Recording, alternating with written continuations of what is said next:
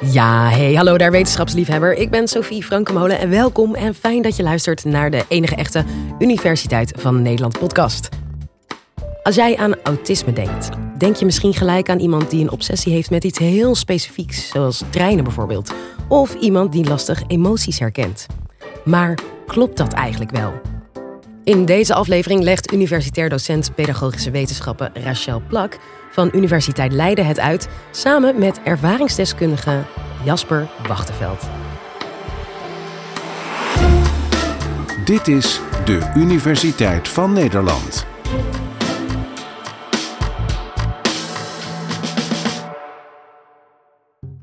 Over mensen met autisme bestaan veel vooroordelen en misvattingen. Zo zouden ze weinig emoties hebben en geen empathie of humor. Ze zouden liever alleen zijn dan met anderen. En zo kan ik nog wel even doorgaan. Hoe komt het toch dat deze hardnekkige misvattingen blijven bestaan over autisme? Nou, het helpt in ieder geval niet als autistische mensen in films en series op die manier worden weergegeven. Denk bijvoorbeeld aan Rain Man en Sheldon in The Big Bang Theory. Penny? Penny? Penny? Sheldon, what is it? Leonard's asleep. Personages worden weergegeven als mensen met uitzonderlijke talenten aan de ene kant, maar die aan de andere kant nauwelijks in staat lijken om te communiceren met anderen. Is dat nou wat autisme is? Nee. Maar wat is autisme dan wel? Nou, dat is nog een best lastige vraag om te beantwoorden. Vanuit wetenschappelijk oogpunt komen we steeds meer te weten over autisme, maar er zijn ook heel veel aspecten waar we nog maar weinig van weten.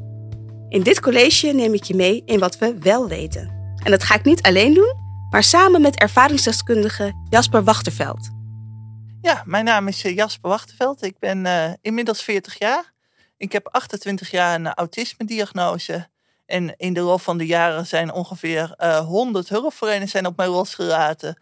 Alle methodieken en eigenlijk al die ervaringen samen met een opleiding tot ervaringsdeskundige heeft mij gemaakt tot wat ik nu ben en wat ik nu in het dagelijks leven doe. Dus uh, hartstikke leuk om hier aan bij te dragen. Laat ik eens bij het begin beginnen. Autisme is vanaf de geboorte aanwezig en komt voor bij kinderen en volwassenen. Naar schatting heeft ongeveer 1% van de Nederlandse bevolking autisme. 1% klinkt misschien weinig, maar dat gaat dus over best veel mensen. Het zou dus goed kunnen dat jij iemand in de omgeving hebt met autisme bijvoorbeeld in een familie, de buurman of de leerkracht van je kind. En de meeste mensen met autisme hebben een gemiddeld tot hoog intelligentieniveau en een kleinere groep heeft naast autisme ook een verstandelijke beperking. Jasper, zou je ons uit kunnen leggen wat autisme voor jou betekent? Autisme betekent voor mij eigenlijk twee dingen. Ik heb, zoals het zo mooi heet, een disharmonisch intelligentieprofiel. Dat betekent dus dat ik op een andere manier kan praten dan ook mijn acties kan doen. Mijn praten is veel beter ontwikkeld dan de wijze waarop ik acties kan uitvoeren. En het tweede ding wat er bij mij heel erg aan de hand is, is dat het een andere manier van informatieverwerking is. Dus informatie komt anders bij mij binnen. Um, en dat betekent dat ik daar de, me dus bewust van ben, maar dat ik altijd de koppeling moet maken, iets moet aanzetten in mijn hoofd om die uh, schakeling te maken tussen uh, de informatie die binnenkomt en de, de informatie zoals die daadwerkelijk bedoeld is. Uh, een heel mooi voorbeeld is dat ik ooit eens een keertje ergens werkte en toen vroeg een leidinggever naar mij, Jasper, kun je koffie halen? En later kwam die persoon terug en die zei, ik had je toch gevraagd om koffie te halen? Nee, je hebt aan mij gevraagd, kun je koffie halen? En ik heb inderdaad de capaciteiten om koffie te halen, maar je hebt me niet de opdracht gegeven, Jasper, haal koffie. Nee. Dus met dat soort hele surige voorbeeldjes kom je al snel uh, ja, ontstaat er al snel verwarring rondom uh, autisme. Hoe moeten we autisme beschrijven? Belangrijk om te onthouden is dat geen enkel persoon met autisme hetzelfde is. Autisme kan zich bij verschillende personen op verschillende manieren uiten. Wel kunnen we, als we kijken naar gedragingen, gemeenschappelijke delers vinden. De sociale communicatie, dus de interactie met anderen, verloopt vaak niet zonder uitdagingen in vergelijking met mensen zonder autisme. Wat maakt dan dat die interactie ingewikkeld kan zijn? Voor een soepel lopende sociale interactie heb je verschillende vaardigheden nodig. Bijvoorbeeld adaptief gedrag. Gedrag dat is aangepast op specifieke situaties. In de omgang met anderen wordt van ons verwacht ja, dat je je flexibel kunt opstellen en dat je je aan kunt passen aan een omgeving die de hele tijd verandert.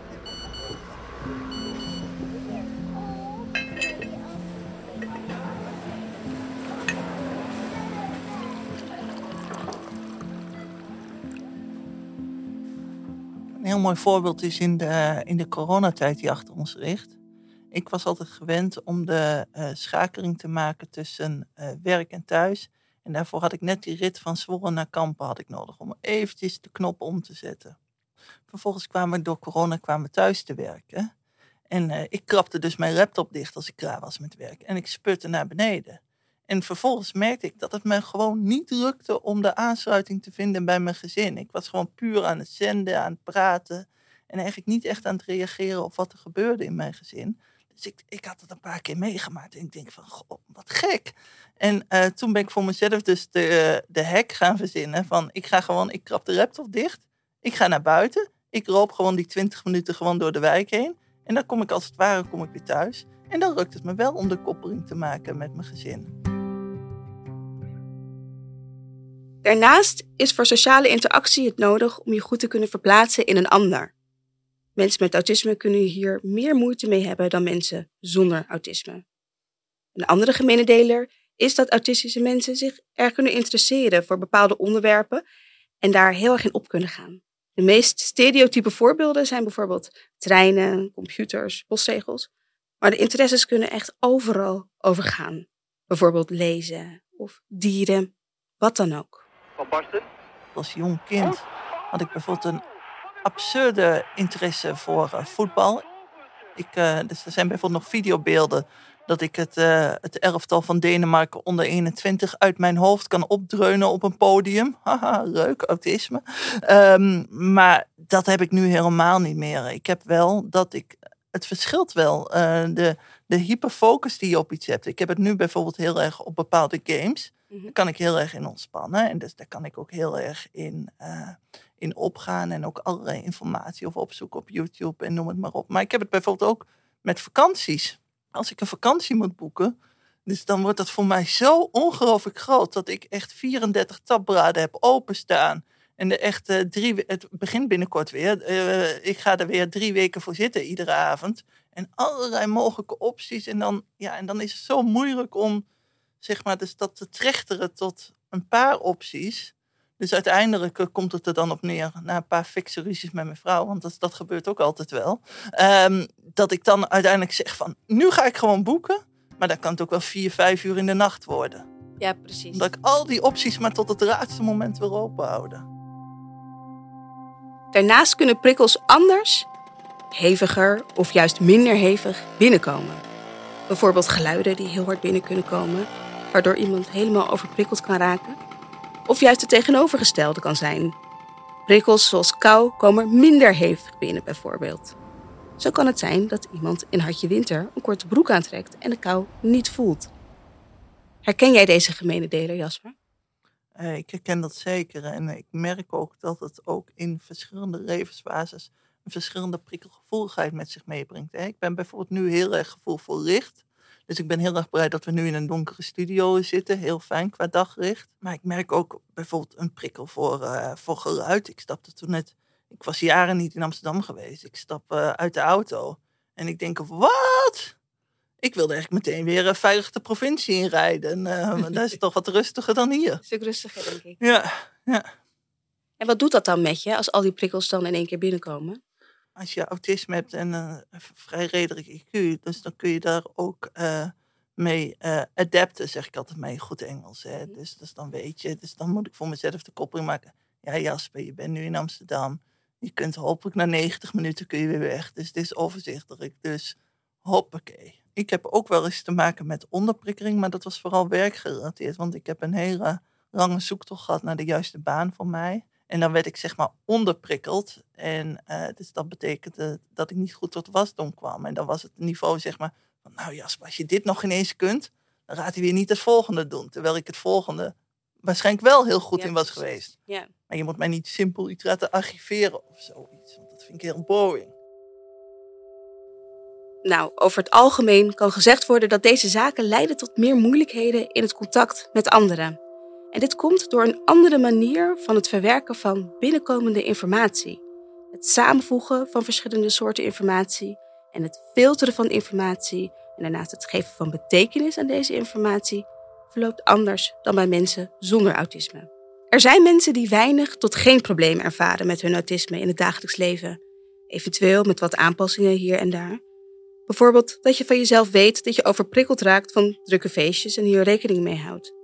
Maar er zijn ook mensen die veel last hebben van hun autisme en daarbij hulp of begeleiding nodig hebben. Het gaat erover, kijk, als je autisme hebt, je hebt bepaalde dingen die je kunt leren. En dat is voor een belangrijk deel afhankelijk van je intelligentie, maar ook van je opvoeding, van al dat soort facetten.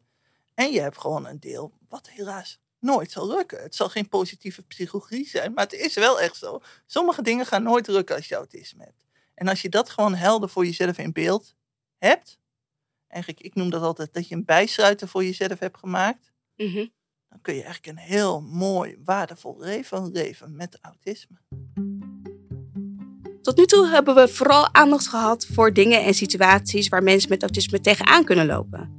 Maar dat wil niet zeggen dat er niet ook sterke kanten zijn. Nou, als we het over deze algemene sterke kanten van autisme hebben, dan hebben we het over oog voor detail. Of het herkennen van bepaalde patronen. Of dat mensen met autisme analytisch zijn ingesteld.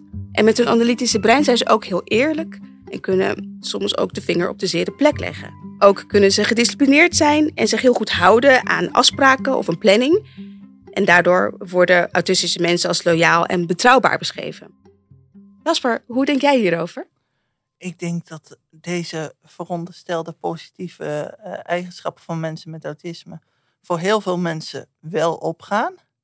Maar wederom niet voor iedereen. En dus dat is een beetje de, de rode draad door deze podcast. Niet voor iedereen. Ik ken bijvoorbeeld ook heel veel mensen met autisme die heel goed zijn met computers. Is gewoon waar.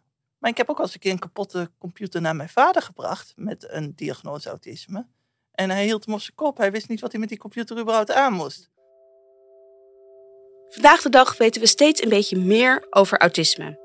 Dat het beeld van autisme niet vaststaat, maar met de tijd verandert, is onder andere te zien aan wijzigingen die worden aangebracht in de DSM. De Diagnostic and Statistical Manual of Mental Disorders. Oftewel, het handboek waarin alle klassificaties, of soms ook wel labels genoemd, genoemd zijn. Tot enkele jaren geleden maakten we nog onderscheid tussen verschillende typen autisme, zoals Asperger en PDD-NOS. Maar nu vallen al deze types samen onder de overkoepelende klassificatie autisme spectrumstoornis. Jasper, zou je ons wat kunnen vertellen over hoe de diagnostiek nou eigenlijk plaatsvindt? Nou, eigenlijk is de diagnostiek rondom autisme is niet heel erg ingewikkeld. Want aan de ene kant stel je dus vast aan de hand van de DSM. Dus dat zijn gewoon objectieve criteria. Hè? Dus dat is gewoon een afvinklijstje. Bijvoorbeeld die sociale interactie. Maar is ook bijvoorbeeld eh, zaken als hyperfocus. Zijn ook zaken als repeterende handelingen. En zo kan ik eigenlijk alle criteria rond de DSM kan ik eigenlijk opdreunen. Maar dit, dit is gewoon puur om een impressie te geven. Maar je pakt ook mee de context. Uh, in welke context bevindt iemand zich? Je pakt ook mee van wat is de lijdensdruk van iemand. En eigenlijk al die informatie bij elkaar, dan kom je uiteindelijk uit op een diagnose of niet. En stel je nou eens voor hè, dat iemand wel kenmerken van autisme laat zien, maar uiteindelijk niet tot die diagnose komt. Nou, dus dan, dan geven hulpverleners dat keurig terug. nee, dus dan zeg je dat gewoon tegen, tegen mensen. Van, we zien bij jou wel, wel bepaalde aanknoppunten van autisme. Maar we hebben overal genomen, hebben we niet genoeg van diagnose autisme. En vaak kunnen mensen... Kijk, mensen die hebben vaak gewoon de vraag van... Is er bij mij nou wel of niet sprake van autisme? Zo eendimensionaal is het. En die vraag die kunnen we inmiddels steeds beter. Met de nieuwe DSM-5 kunnen we die vraag steeds beter beantwoorden. En ik denk dat we met de DSM 6 en 7 en 8 en 9 en 10 het nog veel beter kunnen gaan beantwoorden. Ja, ik denk ook dat het inderdaad heel belangrijk is om te benadrukken dat die DSM altijd in verandering zal blijven zijn. En dat die nooit perfect zal zijn of nooit af zal zijn. We zullen steeds meer inzichten hebben, waardoor die DSM dus ook ja. mee verandert. Ja. Om terug te komen op de beginvraag. Wat is autisme? Autisme uit zich bij iedereen anders. Het is een combinatie van verschillende gedragingen en een andere manier van denken die ontstaan omdat informatie op een andere manier wordt verwerkt dan bij iemand zonder autisme. We hebben geleerd dat we nog lang niet alles weten over autisme en dat de autistische persoon niet bestaat. Jasper, dankjewel dat je er was vandaag en dat je je ervaring hebt gedeeld met ons. Dankjewel. Genoegen was van uh, geheel van mijn kant. En uh, jonge wetenschappers als jij geven mij uh, enige hoop voor de toekomst. Dankjewel.